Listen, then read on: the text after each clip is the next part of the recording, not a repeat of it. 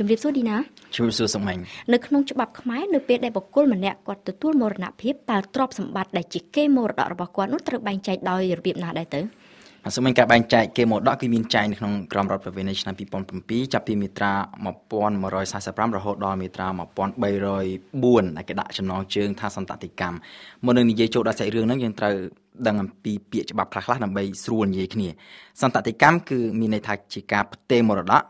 សន្តតិជនគឺជនដែលត្រូវទទួលចំណាយគេមរតកមតកជនគឺជនដែលទទួលមរណភាពហើយដែលគេមរតករបស់គាត់ហ្នឹងត្រូវយកទៅផ្ទេរទៅឲ្យសន្តតិជនអឺមតកសាសគឺមានន័យថាជាបណ្ដាំរបស់មតកជន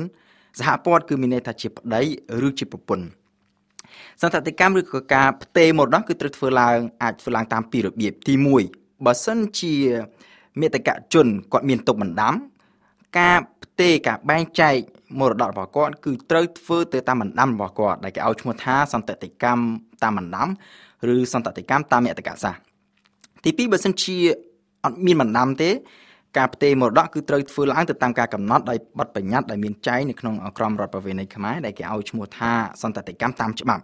ដូច្នេះបើសិនជាមើលទៅក្រមរដ្ឋប្រវេណីគឺផ្ដល់អតិភិបទៅលើឆន្ទៈរបស់ម្ចាស់មរតកបើសិនជាមានបណ្ដាំគឺត្រូវតែបែងចែកទៅតាមបណ្ដាំ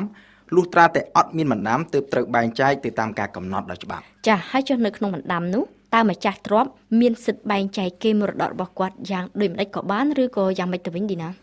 អត់សមមតកមេតកជនមានសិទ្ធិធ្វើការបែងចែកគេមរតករបស់គាត់យ៉ាងម៉េចក៏បានដែរក៏ប៉ុន្តែត្រូវគោរពលក្ខខណ្ឌមួយដែលចែងក្នុងច្បាប់ដែលគេហៅថាភាកបំរុងមានន័យថា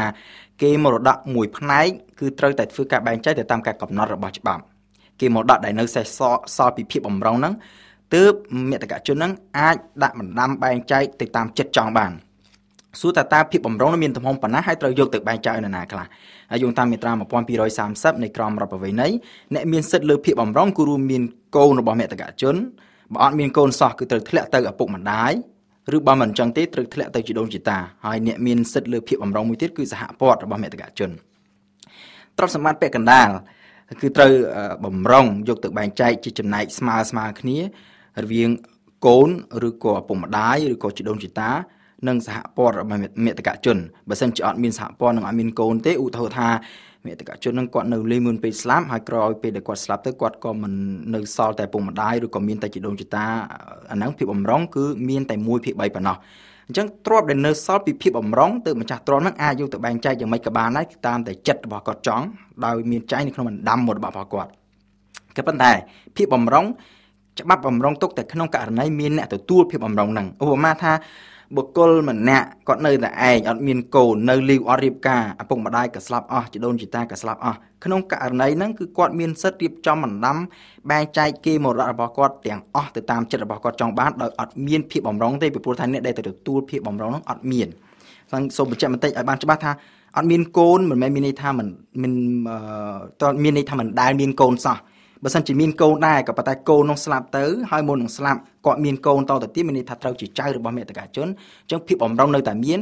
ដោយយកភាពបំរុងនោះត្រូវប្រគល់ទៅឲ្យចៅដែលគេហៅថាសន្តតិកម្មជំនួសចាស់ចុះនៅក្នុងករណីដែលមិនមានបណ្ដាំទៅវិញតែច្បាប់កំណត់យ៉ាងដូចម្តេចខ្លះអំពីការបែងចែកមរតកនេះបាទក្នុងករណីគ្មានបណ្ដាំច្បាប់កំណត់ថាគេមរតកត្រូវចែកជាចំណែកស្មើស្មើគ្នាជាគោលការណ៍គឺចែកជាចំណែកស្មើស្មើគ្នាទៅឲ្យសន្តតិជនដែលជាចំណែក ដែលចែកជា3លំដាប់លំដាប់ទី1គឺកូនលំដាប់ទី2គឺឪពុកម្ដាយលំដាប់ទី3គឺបងប្អូនបង្កើតហើយការបែងចែកជាលំដាប់នេះមានន័យថាបើសិនជាមានសន្តិតិជនលំដាប់ទី1លំដាប់ទី2និងលំដាប់ទី3គឺអត់បានអ្វីទាំងអស់គឺគឺយកទៅឲ្យទាំងអស់ទៅចែកឲ្យលំដាប់ទី1តើតើអត់មានសន្តិជនលំដាប់ទី1ទើបគឺយកទៅបែងចែកឲ្យលំដាប់ទី2ហើយលំដាប់ទី3អត់បានទេតើតែទាំងពីរទាំងទី1ក៏អត់ទាំងទី2ក៏អត់ទើប មរតកហ្នឹងធ្លាក់ទៅសន្តិជនលំដាប់ទី3គឺបងប្អូនបង្កើតហ្នឹងឧបមាថាបើសិនជាមេតកជនមានកូនគឺត្រូវចែកទៅឲ្យកូនបើទោះបីជាគាត់នៅមានឪពុកម្ដាយនិងបងប្អូនបង្កើតក៏ដោយក៏ឪពុកម្ដាយនិងបងប្អូនបង្កើតហ្នឹងមិនមានសិទ្ធិទទួលគេមរតកហ្នឹងដែរ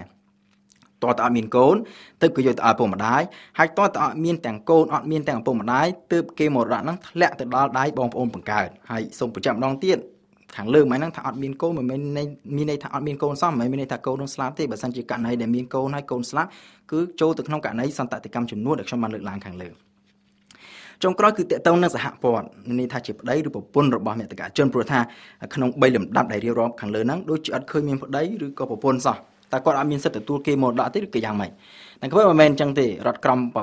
ក្រមរដ្ឋប្រវេណីខ្មែរផ្ដល់សិទ្ធិពិសេសដល់សហព័ន្ធ គឺសិទ្ធិជាសន្តតិជនអចិន្ត្រៃយ៍មានន័យថានៅក្នុងលំចំណោមលំដាប់ទាំង3ហ្នឹង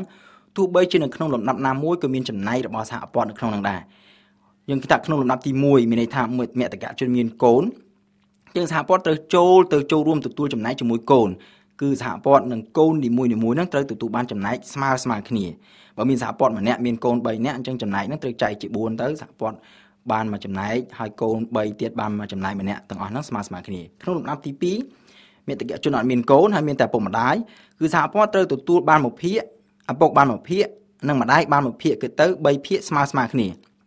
បើសិនជាក្នុងចំណោមឪពុកនិងម្ដាយហ្នឹងមាននៅរស់តែម្នាក់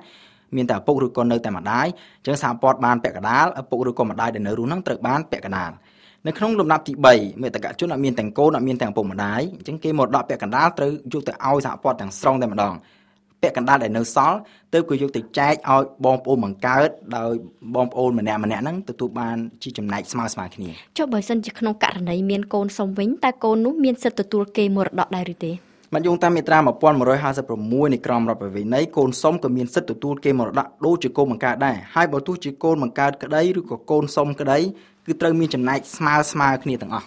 ចាចុះនៅក្នុងករណីកូនដែលត្រូវទទួលមរតកស្លាប់ទៅ ហើយត្រូវចែកបន្តទៅឲ្យចៅតើចំណែកមរតកនោះគេត្រូវគិតយ៉ាងដូចម្ដេចបាទក្នុងករណីហ្នឹងគឺជាករណីសន្តិកម្មចំនួនដូចខ្ញុំបានលើកឡើងខាងលើអញ្ចឹងថាហើយគេមិនចាំគេមិនអាចគិតជាចំណែកស្មើស្មើគ្នា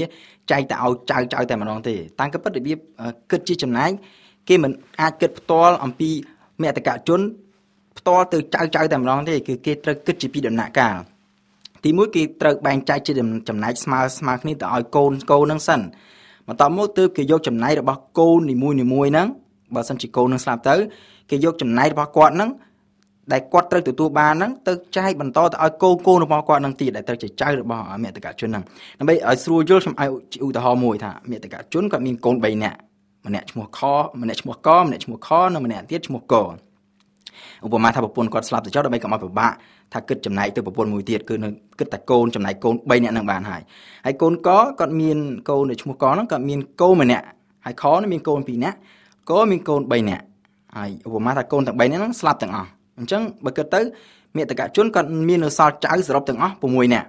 ហើយគេមរតករបស់គាត់សរុបទាំងអស់មានជាទឹកប្រាក់ចំនួនគិតជាទឹកប្រាក់ទៅមានប្រហែល3ដុល្លារ30000ដុល្លារឧបមាអញ្ចឹងទៅចុះអញ្ចឹងពេលដែលចែកគេមរតក គឺគេមិនមែនយក30000ដុល្លារហ្នឹងទៅចែកជា6ចំណែកទៅឲ្យចៅចៅតែម្ដងស្មើស្មើគ្នាទេគឺគេត្រូវយកទៅចែកជា3ចំណែកទៅឲ្យកូនកូនសិនគឺថាកខនិងកបាន10000ដុល្លារម្នាក់គឺត្រូវចែកជា3 30000ចែកនឹង3បានម្នាក់10000ដុល្លារបន្ទាប់មកបានគេយកទៅឲ្យចែកចំណែករបស់កូនមួយនោះហ្នឹងចែកទៅឲ្យបន្តទៅឲ្យចៅយើងឃើញថាកូនរបស់កដែលជាកូនតូលហ្នឹងគឺគាត់ត្រូវទទួលបានចំណែកទាំងអស់របស់កគឺបានទាំង10000ដុល្លារ ចំណែកកូនកូនរបស់ខដែលមានគ្នាពីរណាអញ្ចឹងក៏ត្រូវយកចំណែករបស់ឪពុករបស់គាត់ហ្នឹងដែលបាន10000ហ្នឹងយកមកចែកជាពីរទៀតគឺបាន5000ម្នាក់ហើយកូនកូនរបស់គាត់ដែលមានគ្នាដល់តែ3នាក់គឺត្រូវយក10000ហ្នឹងមកចែកគ្នាជា3គឺត្រូវបានតែម្នាក់ជាង3300ដុល្លារម្នាក់ទេដូច្នេះយើងឃើញថាសរុបជារួមមកវិញយើងឃើញថាចៅចៅទាំង6នាក់ហ្នឹងគឺมันបានទទួលចំណែកស្មើគ្នាទេខ្លះបាន10000ខ្លះបាន5000ហើយខ្លះទៀតបានតែជាង3000ដុល្លារប៉ុណ្ណឹង